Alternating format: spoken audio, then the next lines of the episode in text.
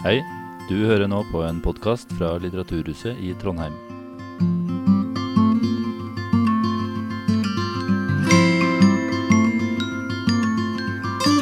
and he, when he took off on his mission, his plane crashed, um, and he was able to save himself to a small island. And when he um, was able to return to the station, um, he had to change trains. And on the day that he got off the train in Hiroshima, it was the day after the bomb, the atomic bomb, had been dropped, and he didn't know because there were no new, he didn't have access to newspapers. So he left the train and he saw the complete destruction. And he decided in that moment never to fight in a war again. And I mean, at that point, the war was over anyway. But he survived and he became a pacifist. Uh, and so that's just another story that I'm very interested that, you know, that, uh, that I was very interested in. And then after I'd created these stories, I realized that none of the stories actually featured a German perspective. And I realized that the reason for that was because I was too um, too afraid of telling the story about war, especially the Second World War, from the perspective of the perpetrators, because I was living abroad in New York City in a place where, you know, that is very culturally Jewish, and I felt like I had no right to to talk about what the war did to us. Um, I was also worried that it could appear as if I'm victimizing Germans. But then I realized that my interest in the war uh, was exactly because I'm German and that I needed to address the subject head on and also on a very personal level, you know, by finding out what happened in my family. Because, um, and this is probably true for a lot of Germans, um, I knew so much about the war because we learned about it in school to a, a very detailed degree but um, we were not really encouraged to find out what happened in our individual families. And uh, I realized that I needed to address these questions for the first time in my life. Um, so in the book, I talk a little bit about my upbringing in Germany and um, what it was like to grow up near a, a US uh, military airbase. It was really directly behind our, um, our backyard. So I had the sound of the American uh, military planes above our house every day. Um, and I understood early on that they were there to make sure we didn't do anything bad because we had once made a huge mistake. I mean, that was really deeply ingrained in my thinking. Um, and in school, we um, this is the exact uh, exercise, uh, the, the, excerpt from my 11th grade school exercise book, where we had to analyze a speech by Adolf Hitler. So, I mean, it shows a degree of. Uh, German thoroughness with which we uh, address these. And the questions were um, comment on Hitler's mode of reasoning in, and intention, examine how Hitler uses linguistic devices, assess the effect that Hitler's speech had in the specific historic situation. Who possesses linguistic skills possesses people. Using examples, position yourself within the challenges of the statement. So they really made us think about uh, why were we seduced? I mean, it was also, you know, obviously active support for him, but um, you know, what was it about him and his language that made us believe um, in him? And um, so there was a certain element of indoctrination that was probably also necessary at the time, but it really came along with. Um, uh, a lack of confidence in our culture, a lack of pride, you know, cultural pride in whatever Germany had achieved culturally and socially before the Nazis came along. And so a lot of Germans in my generation grew up with a sense of par paralysis, which was not helpful because it, uh, it, made, um, our, it made our real deep confrontation with our own families impossible, basically. So the book is both about who we are, uh, who, you know, who my family was under the Nazi regime, what did they do, what didn't they do, um, but also a more deeper existential question how do you know who you are if you don't understand where you come from? Um, it also talks about what it was like for me to spend uh, many, many years of my life uh, as a German abroad. Um, and it, uh, yeah, it tracks, you know, the, the, the, biographies of my individual family members. So through a combination of comics and uh, single image illustrations and photographs, um, I try to reconstruct my family's life. I also visited my father's home village um, for the first time to visit the archives there and speak to family members who still knew my uncle, who was an SS soldier, uh, in person. So the book also contains a lot of archival material. Um, and yeah, on the left, the two protagonists of the book are my uh, paternal uncle, who was drafted into the SS at age 18 and then died uh, at age 19 in Italy. and my maternal grandfather, who was a driving teacher uh, during the war and taught German soldiers how to drive. Um, and as I found out, to the shock of my entire family, when I went to the archive for the first time while working on the book, that he was a member of the Nazi Party, which uh, was shocking because he had previously always been a social democrat, and after the war too. Uh, and we could not understand why he joined the Nazi Party. Only 15% of all Germans were Nazi Party members. Um, and I found this file in the archive um, that basically told the story uh, because it was a correspondence between him and the US military after the war, and he explained and outlined bit by bit why he had joined. And I don't know if we'll talk about that later on, but um, yeah, I think yeah, this is also an excerpt from my uncle's school exercise book that he adorned with propagandistic illustrations. So it was important for me to bring in these original materials to make it feel, when you look at the book, as if um, you yourself are holding these documents in your mm. hand. Mm. Maybe that's. Yeah. That it really shows how complex the book is. Uh, and I was, when I first read it, I was very, very touched. I really recognized my own experience in the book. And I was, when I reread it now in preparation for this conversation, I was very afraid that I would like be disappointed. But I think it's even more interesting now because you tell so many stories. There are so many narratives. You are talking about the two main protagonists, but it's the stories of those hometowns uh, where there's a rich Jewish, Jewish history that you uncover, and there's the story about Germans today as well. So there are a lot of narratives here. Um, before we go into the politics of the book, maybe can I just ask you because I'm curious. There are so many narrative threads and so many different styles. How did you do it? Did you have a plan from the beginning, or did you just write uh, the different stories and then spread them out on your carpet floor? uh, yeah, I never, I never have a plan before I begin a book. It's always, it always feels like I have no clue what I'm doing until I'm starting and I'm developing it page by page. So I always start with the writing, in this case as well. And um, so there's the maternal side of the family and the paternal side. So those were the two main narratives, but then there's also the historic context. I needed to provide some background information for people to understand um, the context of my family stories. And then I also, because the book is also about what it means to be German, um, I'm just going to uh, go forward a little bit. Um, I decided to, um, so it's, a, it's an, an, anthropological study as well, to include pa pages in the book called From the Notebook of a Homesick Emigre, where I document objects and activities and places that to me um, are deeply tied in with the German cultural consciousness, mm. um, and uh, that I also realized I was missing as I was living abroad and mm. far away but I always embedded them in the book in moments where they made sense for the narrative. So, for instance, on the left, uh, the poisonous mushroom is a very it's a symbol for good luck. Ironically, in Germany, you can find it in, in the shape of marzipan sweets. Um, you, they appear in many children's books. And my uncle had illustrated uh, a terribly uh, anti Semitic story that compares Jews to poisonous mushrooms that was from a book that the Nazis circulated um, in the 1930s. Um, and so I made all these connections, and I thought I need to write about this as a symbol and the, the, importance that it has in the German consciousness. And then I also found in my parents' photographs a photograph of my mother as a child dressed as a poisonous mushroom. So uh, I decided to place this more encyclopedic reflection in that moment in the book where I talk about my uncle's story and also my mother's costume. Mm. Um, oops, sorry. Yeah, and so I, I, knew that I had certain fragments that I wanted to work with, but it mm. felt very much like a puzzle. I mean, for me, working feels very much like a collage. It also mm. looks, it has this collage character.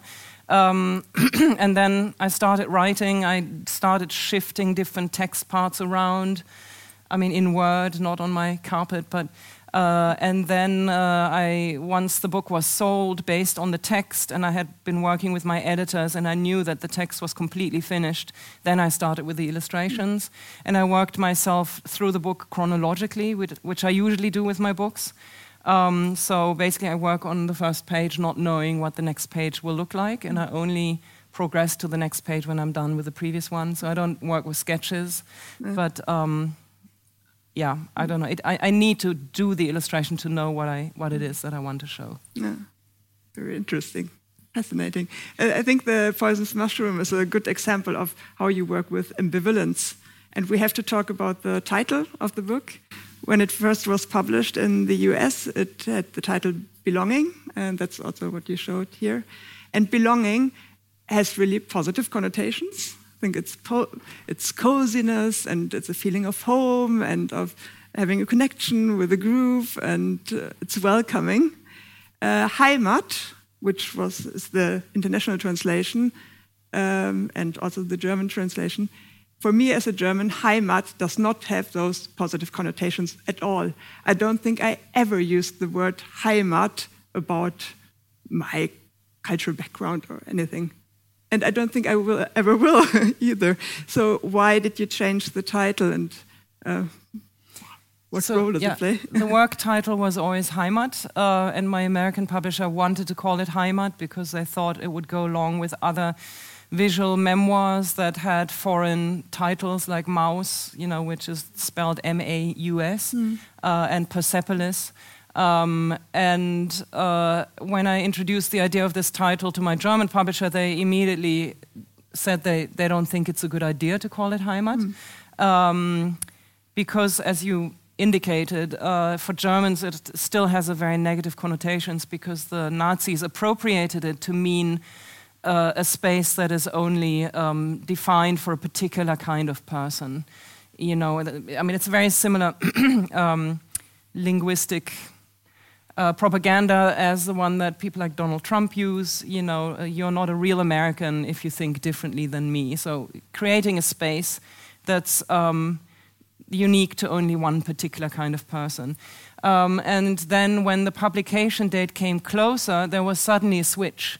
So the Americans suddenly, uh, the marketing team thought that a foreign title that's also difficult to pronounce and remember, you know, retain might be difficult as a, as a selling point to the book. And also, I think they were worried that maybe some Jewish readers might also have negative con con connotations with that word. So we looked for a, a, translation, and as we know, it's, it's a difficult word to translate. And we, you know, we thought of homeland, but that has in America uh, very much of a southern state feeling to it, mm. and also homeland security. It had a whole political, military connotation. Um, and then we focused on the feeling, and I did think that belonging uh, was a good rep representation. In America, it's not necessarily a word that's always, uh, you know, associated with a positive thing because there are a lot of Americans who don't feel like they belong. You know, minorities that have never been accepted as part of society or had, you know, have, has been threatened um, in their existence uh, for, for, for, centuries, basically. And so um, I see it more as a, as a word with a question mark behind it. I mean, with Heimat too. Mm-hmm. What is Heimat? What does it mean to belong?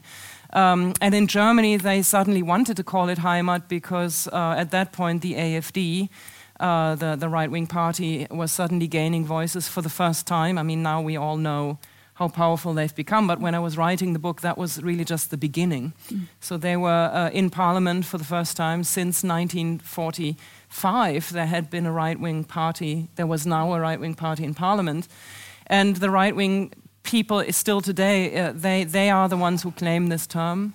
And my publisher and I said we need to claim it back. Mm. So it was a very conscious decision to basically say, you are just as German and you can be just as proud of your Heimat and still believe that you have to critically confront your past. You know, we have this task of always looking back at what, what we did during World War II and confronting the Holocaust, but we can still love our country. It's not just right wing people who have the right to do that. Mm. That's very interesting. And, and the, um, about the, the right wing that is claiming the term Heimat, I think the National National Socialistic Party in Germany, uh, not the AfD, but the other one um, that's not in the parliament. They just changed uh, their name into Heimat in 2023. Oh, okay. So you're still competing here, I think. um, but it's both this book and the other books. They're about patriotism as well. So you think, and something that I realized when I read your book is that um, why I react so negative on on May 17th here, for example. Um, it's the National Day, uh, and all the children, the town is packed, all the children go around with uh, little Norwegian flags and they shout, hooray, hooray, Norway. And I always have this, oh my God, this is nationalism, this worst uh, feeling. And you made me realize that this maybe it's not the Norwegians that are the problem, but me uh, and my uh, sense of, I don't know, uh, well, that I always have to distance myself from those kind of feelings. Yeah, I think that's the classic German uh, experience abroad, and uh, certainly I had it when I moved to the, to the United States, but also to England. Um, and I think it's, uh, while it's understandable, I think we need to learn as Germans to really embrace our country mm. because it's dangerous not to do it because we're seeing it now. Because, uh, you know, if, if we don't love our country, we won't. Um, we won't defend it. You know, we need to commit both to the dark times of history, but also to the good elements of our culture. Mm. And there, there's good patriotism and there's bad patriotism. And um, I mean, Timothy Snyder also writes about that in the end of his book, uh, where he talks about what it means to be a patriot. And um, he basically says that a patriot, uh, you know, a good patriot, um, has the, the interest of, of his, the people in the country at heart. And a bad patriot basically exploits uh, the term patriotism for their own causes. And um, that's mm. what I mm. try to illustrate here with different representations of, of a heart. Um, and um, yeah, so I, I, do think that we, we need to learn to embrace our, our culture mm. as Germans. Yeah. Um, I thought, could you, could you read a bit from yeah. Heimat. I don't have reading glasses, but I'll try. I have glasses, if you want to. No, I think it's, uh, it depends on the page. Sometimes the text is very small. Uh, it's uh, the page where you. Um, it was uh, quite in the beginning. It was maybe we could also show the or page. the Heimat definition, you mean? Uh, yes. Hmm. I d- I don't have page numbers. That was my yeah, personal decision, and I regret it now. But uh, yeah, I thought um, this one. Oh, this one. Yeah, this one. Okay. I don't. Uh, being fehlerfrei, fault-free, was our universal goal. Oh, so this talks about our school uh, upbringing. Our teachers read, red pens, divided our exercise books into right and wrong and the red marks felt as reassuring in their clarity as they were unforgiving. On the path from the Versailles Treaty to the Paris Peace Conference, my teenage classmates and I left no stone unturned. We analyzed Hitler's speeches, alliteration by alliteration, tautology by tautology, neologism by neologism. We staged avant garde theater performances on the anniversary of Reichskristallnacht we prepared questions for the old women who traveled from America to tell us about the camps, but we never thought to ask about one another's grandparents. We learned that our language was once poetic, but now potentially dangerous. We read Schiller, but we didn't learn to love him as we loved Shakespeare. We struck the German words for hero, victory, battle, and pride from our vocabularies. We avoided superlatives and we used the word Zusammengehörigkeitsgefühl the sense of identifying with a group and believing in an idea larger than oneself when defining American cultural identity, but not our own. We resorted to the expression that's so typically German to describe someone's unfriendly or narrow minded behavior. We learned that Vergangenheitsbewältigung means coming to terms with one's political past, but we felt that it really defined the process of struggling to come to terms with it. We learned that the German word for race should only be used to distinguish animal species, and ethnic only in the context of genocide. Yet we felt that our history was in our blood and shame in our genes. But there were also gaps in our education. We didn't learn that tens of thousands of Germans had been killed for resisting the Nazi regime because it would have made our grandparents who didn't resist look guiltier in comparison, or that 150,000 men of Jewish descent had fought in the Wehrmacht because their participation would have made us look less, uh, made us feel less guilty. We learned little about the losses endured during the Allied bombings, or about the million of, millions of Germans who had been displaced from Germany's former eastern regions after 1945, because we knew that feeling sorry for ourselves was wrong. Because we never learned about contemporary Jewish culture, we associated the word Jude strictly with the Holocaust, and we understood that it could be uttered only in a whisper. We never learned about what happened in our own hometown. We never learned the lyrics to our national anthem. We never learned old folk songs. We struggle to understand the meaning of Heimat. Thank you. It's a good impression of uh, the voice in your book. And uh, I think it shows so well your critique against uh, certain narratives that there shouldn't be just one narrative. And is there a kind of critique against uh, memory culture or memory politics? As I mean, memory culture is very important, and in Germany, I think Germany is really a great example for a country that has done a very good job in collectively addressing the past. Um, but I think what's often missing is the personal confrontation, and it's very easy to hide behind the collective shame. It's much harder to confront the personal shame. And so um, I think in my work, and especially with Heimat, I try to break these stereotypical notions that we have of these narratives of war.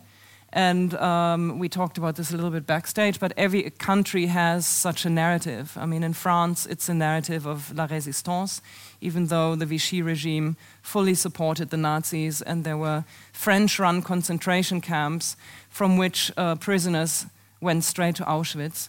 Mm. Um, you know, we know that Poland is having a hard time confronting its history. Many, many countries um, are not really shedding light on uh, their complicitness in the Nazi, uh, you know, atro- Nazis' atrocities. And in Germany, we have the opposite uh, issue almost. We, we only see the guilt and we don't talk enough about people who were, I mean, it was obviously not the majority, but who were resisting. And I think there is a fear that um, if we do that, we're, our families are even guiltier because you know, th then we understand that people actually had a choice. Mm. And when you know that, uh, it's harder to accept that the choices your family made were the wrong ones. Mm. Um, and so I think I try to break these stereotypical narratives that we have and try to shed light on individual experiences and um, show through, by doing that, that, that we have a choice. Mm. And your uh, your grandfather, uh, well, he he wasn't uh, one of the uh, resisting heroes, uh, as you said. But here you dig into your personal history. Would you like to tell a bit about um, about your emotional roller coaster ride uh, when yeah. you got to know him? Because he was like a blank page, and the the first time you when you introduce him um, it's your mother who uh, get the gets the first words, and she says, um, "I don't think he was a Nazi." This is the first thing that is said about him. Yeah. Mm. And I have to emphasize that it's not that my mother was trying to hold on to an image that wasn't true, but that during my parents' generation, there weren't the technological tools and uh, also the files that I found in the archives were not made public at that point. So my parents' generation did not have the same ability to find that kind of information, and so they relied on their family narratives. I mean, we just talked about countries' narratives, but that's true for families too. All of our families have these narratives that we tell each other over generations of what people did, and you know, uh, mostly positive narratives, and we never question them. We just accept them, but we hardly go to the archive to find evidence for these things. And um, so she believed, because he was not a bad human being that he could not have been involved in any uh, um, bad decisions or atrocities. And um, so I, I, felt like I needed proof for that, and I went to the local archive, and um, yeah, I found this file uh, because after the war, every German in the Western sector had to fill out a questionnaire, uh, especially under the American sector, that, that was comprised of 300 or 400 questions um, uh, where, you know, asking about what you had done under the Nazi regime. So things like, did you buy real estate from a Jewish person? How much did you pay for it? Um, and so every German over the age of 18 had to fill that out. And um, these files are now publicly accessible. Any German can go to the archive and find them. And my grandfather's archive, the first page was, you know, first one of the first questions was, um, "What uh, were you a member of the Nazi Party?" And it said yes in his handwriting with his blue fountain pen. And he died when I was eight, so this was before I learned really about the Holocaust and the war, and I had never been able to ask him these questions directly. And when I opened this file, it was almost as if he was speaking to me, and nobody had opened this file in almost 80 years. So it was a very moving moment, uh, and uncomfortable moment, but also very intimate at the same time. And um, so after this questionnaire, there was uh, everybody then was ranked into five different categories, ranging from uh, victim under the regime to a major perpetrator, and in between was follower, and then minor perpetrator.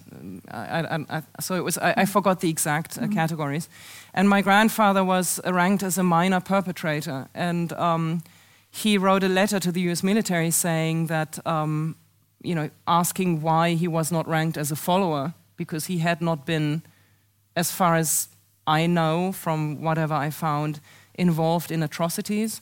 So the reason for why he was ranked in that category was because he joined the Nazi Party in 1933, which was very unusual because at that point the Nazis had already put a stop on admissions because they realized that a lot of Germans joined for opportunistic reasons. So it was actually difficult to join. You had to have special connections, and it was a very bad sign if you joined that early. So so then he wrote a letter explaining for wh- why he joined, and this was again his original typewriter that, that he wrote this letter on and his voice speaking to me. And it turned out that at that point, 1933, he, he had been a chauffeur actually for a Jewish man before the war. Then the Jewish man left before the, the war. Um, and um, they had allegedly had a very good relationship, and that's why the Jewish man gave my grandfather money with which he opened his own driving school I mean, all of this is really ironic because then with the driving school, he taught German soldiers how to drive. Mm. But, um, but then uh, there was a driving school that was for sale in my hometown in 1933, and he wanted to buy it. And the, the car of the biggest Nazi in town, who was personally known to Adolf Hitler, um, had his car parked in this driving school, which had a garage attached to it. And so it was uh, communicated to my grandfather that he could only buy it if he joined the Nazi party. And was that the right decision? I, I don't think it was, but it was how he explained why he joined. Mm. And then, based on that communication, he was ranked as a follower, ranked down as a follower, which meant he still didn't have access to his bank, you know, to his savings. Um, he couldn't work in his previous profession anymore. So um, the post-war era, era, in any case, is a very, very interesting time that's again overshadowed by the war. We don't really know how did Germans live in that period of time. It's something that I think we should we should learn more about. Um, but that was that was the the file that I found, and it was almost a narrative that you could, you could publish as as its own book in a way. And as a reader, one senses your um, your emotional responses because when he's filed as a, a, minor perpetrator, you're like kind of, oh, I hope that he will get down ranked to follower. But then when he's ranked as a follower, you're saying, but who wants to be a follower? So you're very ambivalent there as yeah. well, just as he is an ambivalent uh, figure. Yeah, I mean, the, the goal of the book was never to. Uh, accuse, but it was also not to excuse. So um, I think the goal was to ask questions and to try to understand what does it mean to be a follower? What does it? What did it mean to be a Nazi party member? I mean, there were members of the Nazi party who saved Jewish lives. There were major war criminals who never joined the Nazi party. When when do you deserve to be called a Nazi? Is it just a technical term for anybody who was in the party, or is it anybody who committed atrocities, or is it anybody who didn't do anything but secretly was against Hitler? And this is exactly, I think, what we as, as readers need to ask ourselves. And mm. that's why I think it's so important to shed light on this gray zone of, of, of, the followers, because that is the group that most of us would identify with. I mean, I think few people would say, oh, yes, if there were a war, I would be a resistance fighter, or if there were, a war, I would be a major war criminal. Uh, most of us would probably not know what to do. And that's why it's so important that we try to understand why people made, and now, you know, looking, looking at Russia, make the decisions that they make, because those decisions are the ones that, in the end, keep dictators alive. Mm. And, uh, and that's why we need to ask ourselves always isn't there more that we can do? Mm. Um, and that's, yeah, that's the goal of, of shedding light on, on that specific group of people. Mm. That is a perfect transition, actually, to, to Russia and uh, via on tyranny. So maybe we should you could say just very short something about on tyranny, and then we could talk about your last book. Though there's a lot to say about Heimat. Yeah, so uh, I'll try to keep it short. Timothy Snyder, who's a, a professor at Yale and an, an, American historian who focuses mostly on 20th century European history, wrote a book, as you mentioned, after Donald Trump was elected president. Because he was really shocked. I mean, many Americans were shocked how this could happen in their country because they grew up with this narrative of being a great democracy, and they just couldn't understand how this person could fit into that, that narrative. Um, and it was a very successful book because it was um, it's a small the original edition is a small book it's like a guidebook that means to uh, to tell you how we can recognize early signs of dictatorship and tyranny and what we can do as individuals in, in a big way but also in small and quiet ways um, to resist it um, and so after he had read Heimat, he approached me and asked me if I would be interested in illustrating his already existing edition because his publisher wanted to do a visual edition. And I think he recognized that our goal was the same, which was to, to, to write about war in a way that's accessible on an emotional level. And so uh, he thought that, uh, you know, reading Heimat, that it would be a good match. And so I, I illustrated the book. Um, yeah, again, it's a combination of photographs that I also found at the flea market, like this one, which uh, shows a, a it, it, was not labeled, but it's probably a Jewish um, man during the early stage of German occupa- the German occupation of Poland.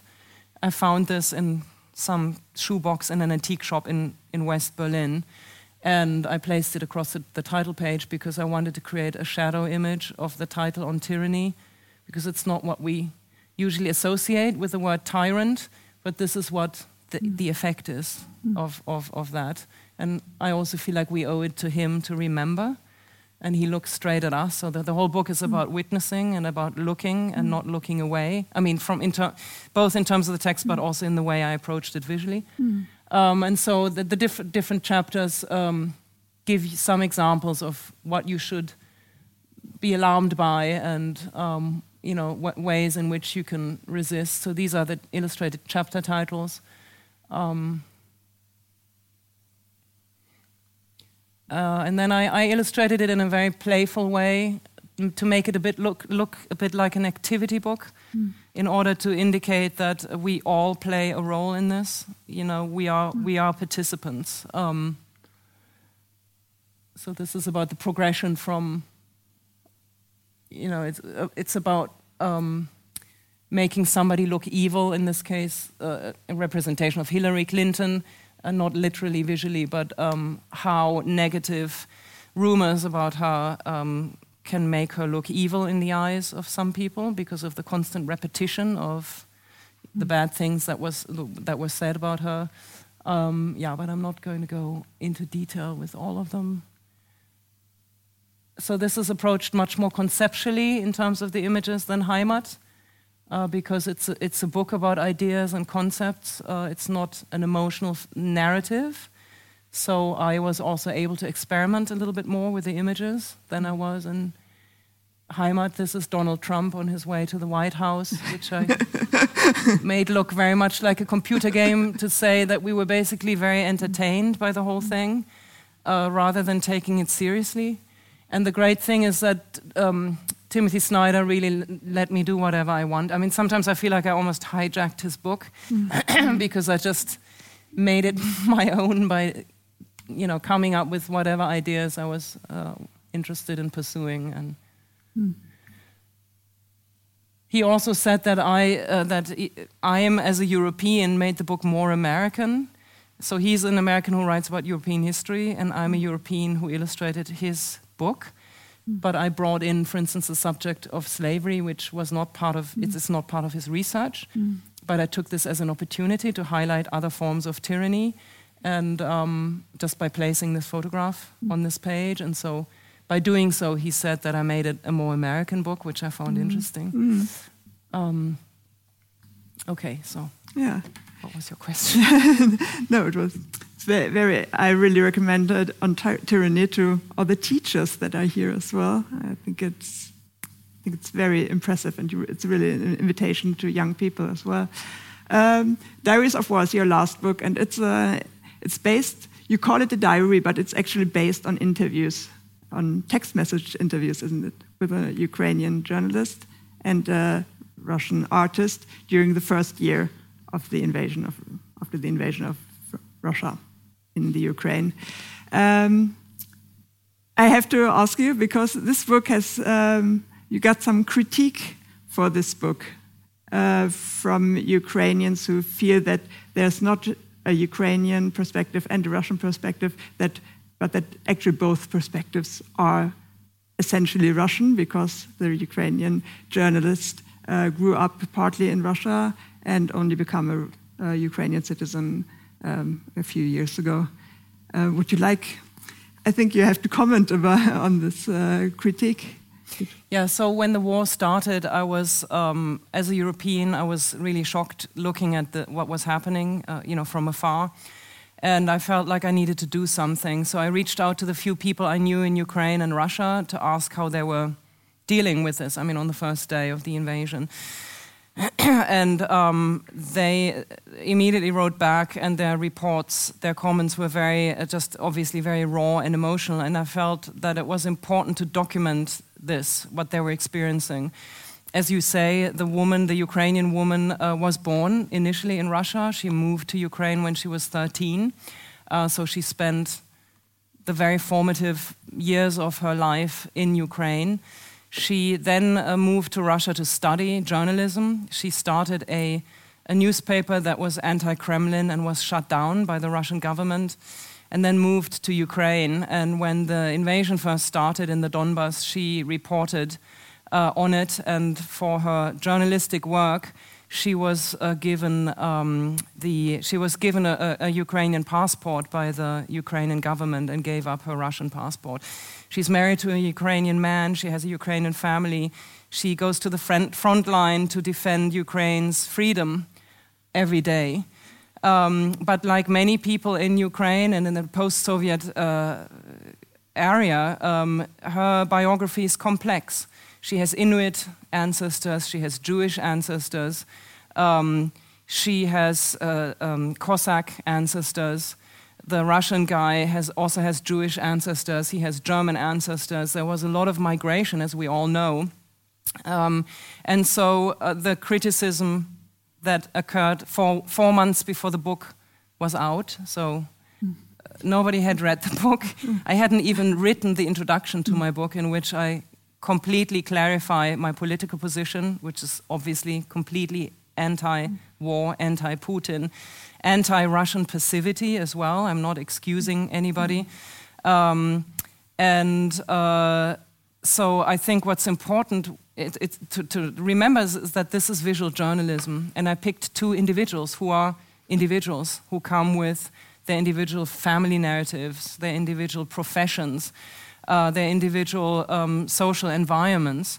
And this is the two people I chose to document. It was never my goal mm. to show a quintessential, what is that? I mean, a quintessential Ukrainian perspective. What is a quintessential Russian perspective? Um, I mean, there's no quintessential Norwegian perspective. Any of you would answer my questions differently if I asked you. Um, and to think that any journalist would go to, I mean, it's like saying, okay, if you work for the BBC and you go to Ukraine and interview people, before, before you even ask somebody a question, you have to ask them how long they've been living in Ukraine, if their parents were both Ukrainian or one of them was Russian. Mm. Uh, and, and only if this all is, is, looks clean, then you can ask them your questions. That's not how journalism works. Mm. Journalism means we talk to individuals and we document their experiences as accurately as possible. Um, and that's what I did. And um, that was my goal because I think anything else is propaganda. And I think it's very difficult to, it's very, it's very wrong to, um, to, to, to, create a picture that's black and white. Mm. And, the, and the Russian character is also very complex mm. because he's anti Putin. And the fact that he allowed myself to interview him over the course of the year was probably an act of resistance but there are many moments in the book where you ask yourself, could he be doing more? Mm. He's, again, somebody in the middle. And the goal is for the reader to then, when we confront ourselves with this narrative, ask ourselves, are we doing enough, you know, against the AfD mm. or against Donald Trump? Mm. Couldn't we be doing more?